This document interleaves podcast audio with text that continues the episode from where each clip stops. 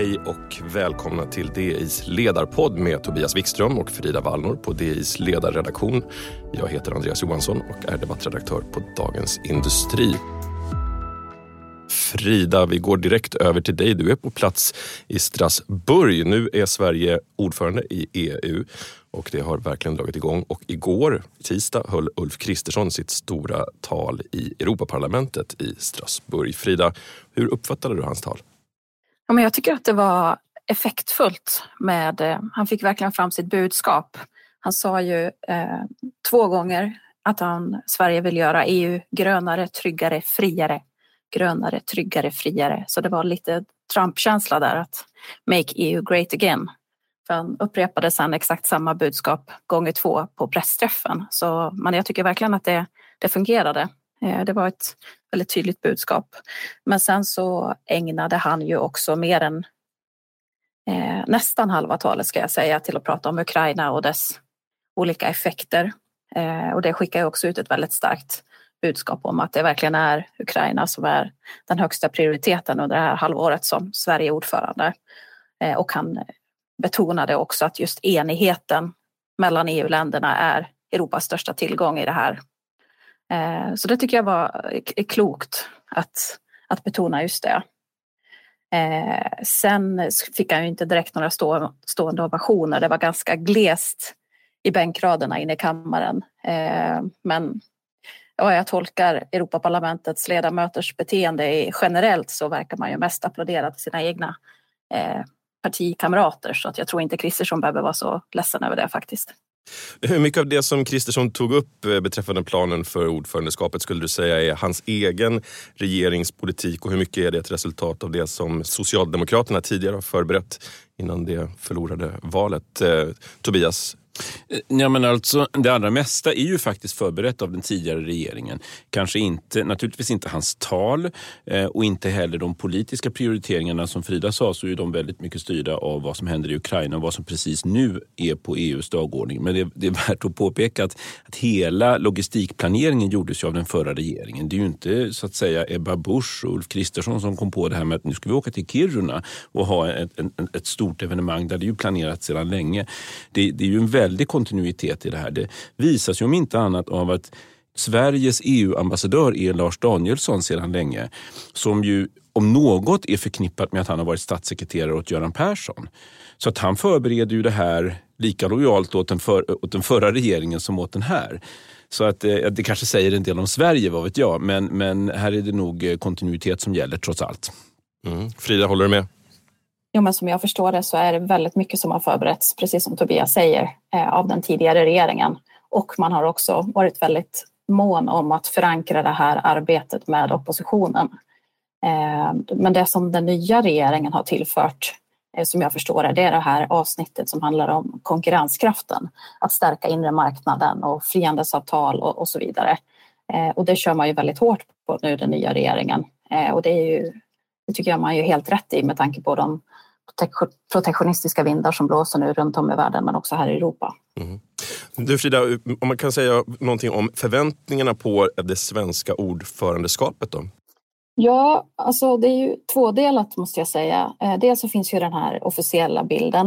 Eh, Europaparlamentets talman eh, Roberta Metsola Igår var vi väldigt tydliga med att hon har väldigt höga förväntningar på Sverige och då handlar det framförallt om klimatarbetet. Eh, hon säger att Sverige är ju ett föredöme när det gäller cleantech och har varit väldigt drivande i det här arbetet med att genomföra Fit for 55 som är det här EUs stora klimatpaket. Eh, så hon förväntar sig liksom ett svenskt ledarskap för att ta det här, de sista akterna inom Fit, Fit for 55 i mål nu under det här halvåret.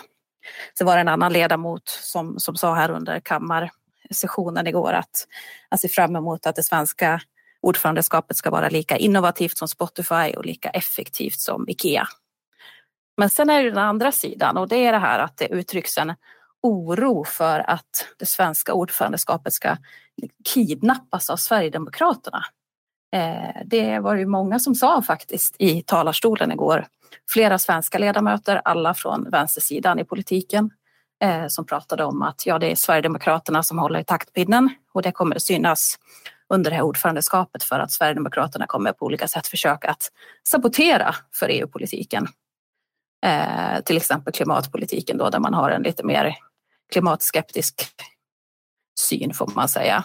Eh, så det var, det var speciellt. Mm. Tobias, vad säger du? Man får, man får inte glömma att Europaparlamentet är ett parlament. Och eh, Det är ju inte så att de svenska ledamöterna där i första hand för att stödja, eh, för att stödja det svenska ordförandeskapet, även om de kanske gör det i någon mån, även oppositionen. så att säga. Men framförallt är de ju där som svensk opposition och som socialdemokrater eller tillhörande den gröna gruppen och så vidare. Och På samma sätt så får man ju se de här ordförandena som talade, eh, alltså ordförande för gröna gruppen, vänstergruppen för socialisterna, att de, de talar ju för sin oppositionslinje i Europaparlamentet. Och för dem är det ju väldigt viktigt det här att, att eh, hålla gränsen mot det högerextrema. Eh, och de, för dem är det väldigt lätt, alltså de säger då, de som är på den europeiska nivån, att sätta ihop Sverigedemokraterna med högerextrema partier på kontinenten helt enkelt. Jag tyckte ändå Kristersson svarade redigt på det genom att säga att det här, så här har det fungerat med eh, flera regeringar i Norden och det har funkat. Norge, eh, har vi ett parti som har varit åt det hållet så att säga. Likadant i Finland.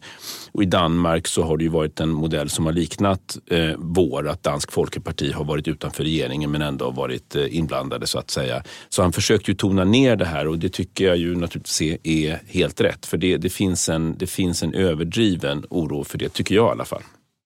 Mm, Frida? Jo, men sen är det dessutom så också att att Sverigedemokraterna kommer inte att ha inflytande på alla frågor som ska, som ska tas upp under det här svenska ordförandeskapet. Som jag förstår det så är det ungefär 350 ärenden som ska avhandlas under ordförandeskapet. Och när jag pratade med en sverigedemokrat igår så sa han att det är ungefär 10 till 20 procent som de förväntar sig att eh, kommer att omfattas av det man har kommit överens om eh, i Tidöavtalet. Och han sa också att man har ingen som helst plan för att använda just ordförandeskapet för att sabotera liksom, klimatpolitiken. Han sa att det här är ju typ redan i mål eh, och vi har inget som helst intresse av det.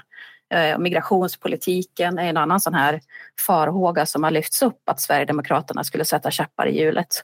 Men, men där uppfattar jag att det som kommer att hända på EU-nivå på kort sikt, det ligger väl i linje med det Sverigedemokraterna vill se och det handlar om att eh, stärka gränserna, EUs externa gränser. Alltså det här med Medelhavet, search and rescue, att man ska liksom försöka begränsa hur många illegala immigranter som kommer in i EU.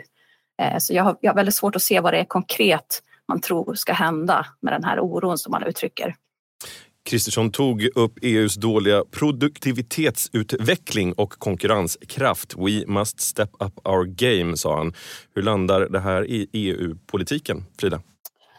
Ja, men alltså det här tror jag är något som alla håller med om egentligen. Alla kan ju läsa statistiken över hur mycket mer pengar till exempel Kina och USA lägger på forskning och utveckling, hur många fler innovativa bolag som skapas i de här länderna jämfört med Europa. Så just liksom den fakta tror jag ingen eh, tycker är konstig att, att Kristersson tar upp. Sen är ju problemet att man har olika syn på hur man ska öka den europeiska produktiviteten. Eh, alla kan nog enas om att där det finns ett samhälle, där finns det brott. Krimrummet är podden som tar brottsligheten på allvar. Jag bjuder in landets ledande experter och tar upp aktuella rättegångsfall för att begripliggöra den kriminalitet som kryper allt närmare. Du, alltså, du kan knäcka ett eller några gäng, men det kommer komma nya och så kan vi knäcka dem sen. Men att du ska knäcka allt forever, det kommer aldrig ske. Det är infinite gain. Lyssna på Krimrummet, en podd från Expressen med mig Kim Malmgren. Vi är specialister på det vi gör, precis som du. Därför försäkrar vi på Swedea bara småföretag, som ditt. För oss är små företag alltid större än stora och vår företagsförsäkring anpassar sig helt efter firmans förutsättningar. Gå in på swedea.se företag och jämför själv. Det behövs en stabil elförsörjning. Eh, det behövs lägre bränslepriser för att liksom öka attraktiviteten för att göra affärer i Europa. Men, men nästa steg är det däremot stor oenighet kring där, där Sverige då främst pratar om frihandel. Man vill gå i mål med frihandelsavtal som är som är nästan i mål. Eh, det handlar om Mercosur, det handlar om Nya Zeeland, Australien. Eh, och sen vill man framförallt stärka den inre marknaden, att liksom göra det lättare för bolag att bedriva verksamhet eh, på olika sätt. Medan då andra länder inom Europa framförallt vill se ökade subventioner och statsstöd för att öka produktiviteten. Så där finns det en väldigt tydlig skiljelinje. Finansminister Elisabeth Svantesson är nu ordförande i det tunga Ekofinrådet. Hon var i Bryssel igår och då var frågan uppe om svarsåtgärder mot det amerikanska IRA, Inflation Reduction Act. Vad handlar det här om i EU-sammanhang, Tobias? Ja, nej, men det är ju den, det är den stora frågan. Eh, alltså de här amerikanska stödåtgärderna för grön teknikutveckling. Och eh, Elisabeth Svantesson på Ekofinmötet, eh, de hade en frukost om detta innan själva Ekofinmötet. Och nu är det ju så att eh, det är ju inte finansministrarna som bestämmer över det här utan det är ju på en betydligt högre nivå. Hon försvarade sig med att det här är någonting som involverar flera olika ministerråd. Så det, det är liksom inte riktigt bara min, eh, mitt område, säger hon. Så att hon undvek det väldigt noggrant. Eh, men det här är ju, eh, det här är ju det här är den absolut största frågan just nu, bortsett från Ukraina, om vilken väg EU ska ta. Om det är den här Kristerssonska som han tog upp i talet om stärka konkurrenskraften eller om det är statsstödsvägen. Mm. Vilken väg blir det, Frida? Ja, alltså det är ju den stora frågan nu. Det känns ju som att när det bara handlade om Kina som gick den här vägen som, som eh, stöttade sina bolag eh, så, så lät man det passera. Så, så har det ju varit länge. Men nu när USA har gått in på samma väg så tydligt eh, så tror jag att fler faktiskt sållar sig till den franska planhalvan här när det gäller att förespråka just liksom statsstöd, att man ska svara USA med samma mynt. Och det, det är väldigt oroväckande Eh, det, det, det, alltså Sverige har ju några allierade kvar. Det gäller framförallt nordiska länder och några till i, i norra Europa. Men, men eh, jag tror att mycket kommer att hänga på hur Tyskland ställer sig till den här frågan. Och de verkar vackla. De har ju tidigare varit i Sveriges, eh, Sveriges allierade när det gäller frihandelsspåret. Men, men eh, ja, det, det, det återstår att se. Mm. Ursula von der Leyen är i Davos och talar om att hon har en plan för den här gröna omställningen. Hon sa att om Europa ska kunna rycka åt sig ledartröjan nu finns det ingen tid att såsa runt. Enligt TTs översättning åtminstone. Ursula von der Leyen sa också att eh, reglerna för statsstöd inom EU ska ses över. Vad handlar det här om, Tobias? Ja, alltså det är ju delvis två olika saker. Alltså att dels att det skulle finnas alltså, fondmedel inom EU som EU-systemet bestämmer över. Eh, men en annan sak är också att se över reglerna för statsstöd, alltså vad de enskilda nationerna får ge till sina länder. Och båda de här sakerna är oroande på, på varsitt sätt. Det här med statsstöd handlar ju om att då kan det vara rika länder, alltså eh, resurskraftiga länder som Tyskland som subventionerar sin industri kraftigt. Och då blir det ju en otillbörlig konkurrens inom Europa plus att själva totalproblemet att vi subventionerar eh, europeisk industri överhuvudtaget också finns kvar. Så det blir på två nivåer på något sätt. Eh, så jag antar att en del av Ursula von der Leyens utspel är en del i det ordmässiga handelskriget med USA. Det vill säga att vi är beredda att göra det här. Eh, men det är ju ett högt spel för det finns ju länder inom EU som direkt vill haka på. Då tänker jag faktiskt på Frankrike. Högt spel, Frida, håller du med? Ja, men jag tror att det är dessvärre mer än spel. För, för det hon tog upp igår i Davos, hon kallar det för Green Deal Industrial Plan. Eh, det är ju flera delar i det här, men det är som Tobias säger, det är ju dels det här man pratar om att man på lite längre sikt ska inrätta en sån här suveränitetsfond liknande den som eh, inrättades under pandemin med, med gemensamma resurser för att också svagare länder ska kunna stötta sina bolag. Eh, det är det ena. Men det andra är också att man gör mer, man vill se mer så riktade satsningar som vi till exempel har hört om när det gäller batteritillverkning i Europa, när det gäller vätgas, eh, när det gäller halvledare och nu det som kommer snart är ju det här med kritiska mineral och metaller. Och det som oroar mig väldigt mycket det är ju att man, man verkar liksom, liksom sätta upp mål för hur stor andel som ska produceras i Europa. Eh, och det känns ju väldigt långt ifrån från frihandel här, att man rör sig mot liksom planekonomi på ett sätt som, som jag tycker känns, ja, det känns inte riktigt sunt. Eh, och jag tycker att det här talet igår genomsyrades av det. att man liksom vill bli mer och mer interventionistisk från, från EU-kommissionen och som du säger Tobias, Frankrike gillar ju verkligen det här och allt fler länder. Så ja, jag är lite oroad faktiskt. Hur ser du på utvecklingen Tobias? Ja, alltså det, vi kanske tror, vi kanske tänker att EU alltid har stått för frihandel. Men EUs främsta bidrag till detta har ju varit frihandel inom Europa. Att här skulle inte finnas några handelshinder och alla mjölkförpackningar ska vara lika stora så att säga, om man får spetsa till det. Ingen ska kunna, kunna liksom tjuva in sig på den europeiska marknaden av oss europeiska länder. Men traditionellt sett så har ju EU varit en stark eh, vad ska vi säga, tullaktör gentemot omvärlden. Så att det här är ju en bra gren för EU att sätta upp murar mot omvärlden. Det är, det är inte något främmande för EU så att de kan lätt koppla in i det tänket igen. Det ska vi vara medvetna om. Att det är ingen frihandelsorganisation på ett globalt plan, traditionellt sett. Jag håller med om alltså det som är den stora faran i det här.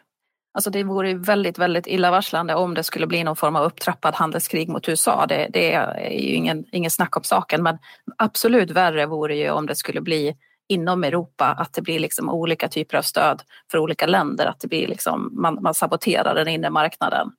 Eh, så på så sätt så är det ju ändå ja, positivt att, att Ursula von der Leyen vill se en form av liksom europeisk lösning här och det här med suveränitetsfonden är ju ett sätt att åstadkomma det.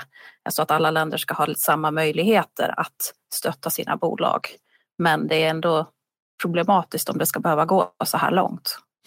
Frida, vad händer rent konkret då på det här området de närmaste veckorna?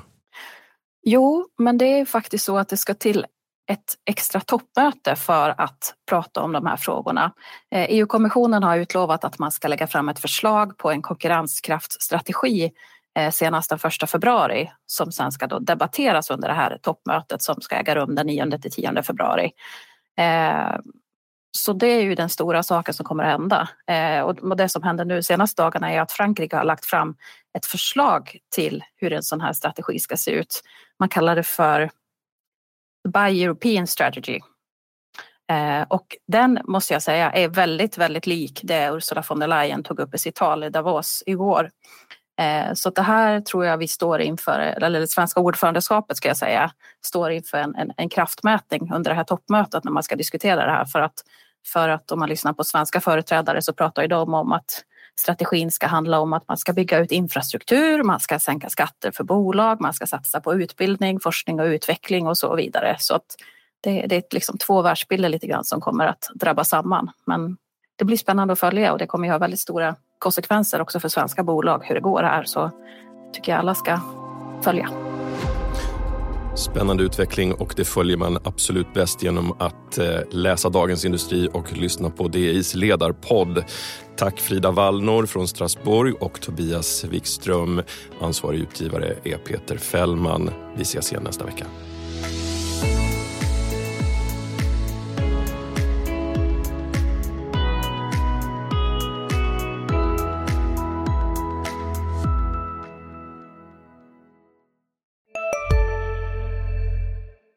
Hej, Synoptik här. Hos oss får du hjälp med att ta hand om din ögonhälsa.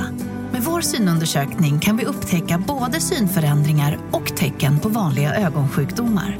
Boka tid på synoptik.se.